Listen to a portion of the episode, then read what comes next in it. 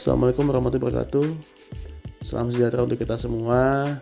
Apa kabarnya schoolmate semua Listener Yang denger ini di platform Spotify Yang denger ini di platform Apple Podcast Or any uh, platform? Well, uh, salam kenal. Namanya saya Yudiarta uh, Saya CMO dari School Atau you guys can call me Mr. CMO So, welcome to my podcast.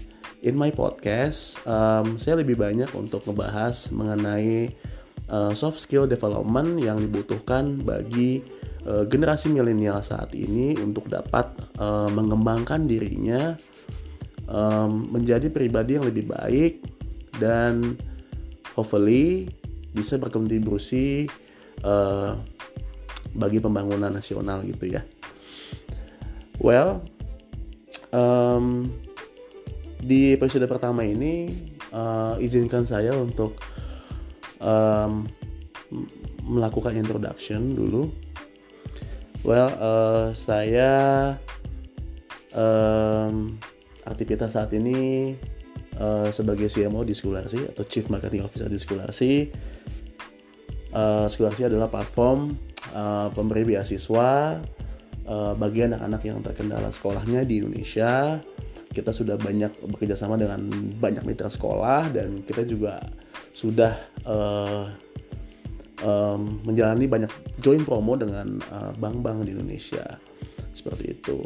Dan dengan teman-teman uh, semua atau schoolmate semua atau listener semua yang mendengar di uh, many platform, saya hanya ingin menghimbau uh, yuk kita berdonasi di Skularsi um, berapapun yang uh, teman-teman atau schoolmate semua donasikan di Skularsi uh, itu sangat berharga bagi bagi adik-adik kita yang mengalami kendala uh, tidak bisa melanjutkan pendidikannya. Kami dari Skularsi berkomitmen untuk membantu pendidikan di Indonesia sehingga dapat lebih maju dan tidak kalah dengan negara-negara Asia maupun di dunia. Oke, okay, um, di episode pertama ini saya ingin uh, cerita singkat uh, mengapa sih pentingnya kita uh, menguasai suatu soft skill gitu ya di uh, era 4.0 saat ini gitu. Um, for your information teman-teman semua atau listener semua atau schoolmate semua, uh, soft skill adalah uh, skill penunjang dari hard skill sebenarnya. Dan itu tidak ada pelajarannya di bangku kuliah bangku SMP SMA tuh nggak ada pelajarannya. Jadi um, singkat kata soft skill itu uh, dibangun dari pengalaman kita pribadi gitu ya. Dan bisa juga kita belajar juga dari orang lain bagaimana cara berkomunikasi negosiasi lobby manajemen waktu dan lain-lain.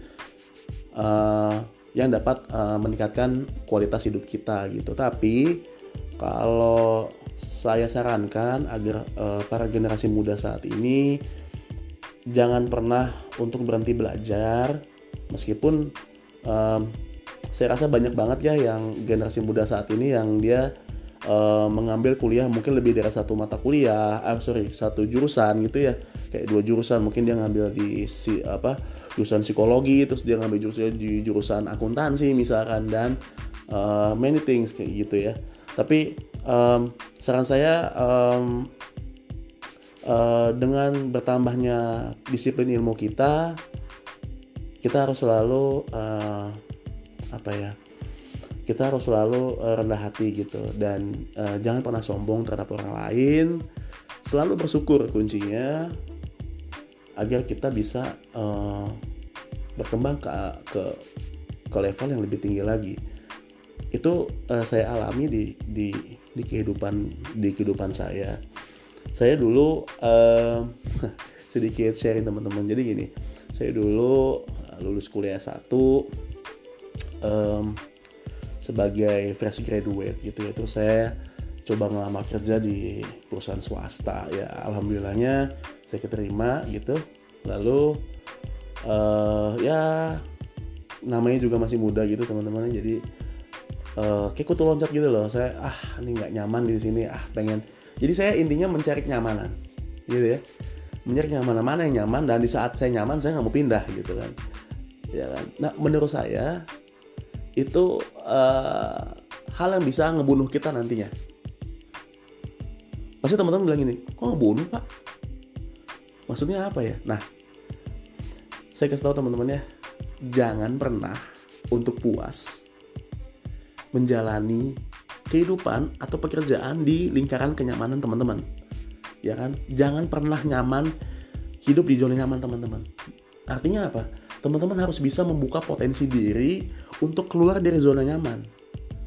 Ya apalagi sekarang di era 4.0 di era penuh persaingan. Teman-teman bayangin um, sekarang banyak jutaan dari uh, sorry jutaan uh, fresh graduate itu sedang mencari kerja. Dan bayangin apabila teman-teman atau schoolmate semua atau listener semua dari uh, many platform lagi denger ini uh, kebetulan fresh graduate gitu ya. Kuliah uh, sorry mau wisuda minggu depan gitu. Katakanlah berarti kan lulus fresh graduate ya. Dan ingin mencari kerja. Uh, ya syukur alhamdulillah kalau orang tuanya uh, bisa mencarinya koneksi untuk pekerjaan gitu ya. Itu nanti realita yang nanti mungkin saya akan bahas nanti di next next podcast. Tapi saya hanya ingin ngebahas singkat aja lebih ke generalnya. Tapi apa apa yang terjadi apabila teman-teman ini uh, anak rantau ya dari dari luar Pulau Jawa gitu kuliah di Pulau Jawa gitu dan udah gitu teman-teman semua ingin mendapatkan kerjaan yang bonafit yang say katakanlah bisa dibanggakan gitu dan anything lah gitu ya. Saya kasih tahu teman-teman di sini ada jutaan fresh graduate yang sedang mencari kerja. Artinya apa? Kesempatan teman-teman hanya satu banding berjuta-juta itu gitu. Ya kan? Saya saya bukan mengecilkan semangat teman-teman bukan. Tapi adalah teman-teman tahu realitanya dulu. Dengan teman-teman tahu realitanya otomatis teman-teman akan tahu cara bertindak atau cara merespon terhadap hal atau realita tersebut gitu loh. Itu cara berpikir uh, logis dan konseptual yang saya kembangkan sendiri dari uh, pengalaman saya pribadi gitu ya. Karena ya saya juga kayak teman-teman juga dulu. Saya bukan orang yang hebat bukan. Saya saya orang yang biasa aja. Uh, saya kuliah lulus kuliah terus saya kerja terus saya idealis gitu ya. Wah saya nyari nyari kerjaan yang buat saya nyaman dan in the end saya nggak pernah nemu ah, kerjaan yang nyaman gitu. Karena menurut saya kerjaan yang nyaman adalah kerjaan yang tidak ada di zona nyaman saya. Nah itu teman-teman. Coba deh uh, pahami dulu cerna dulu.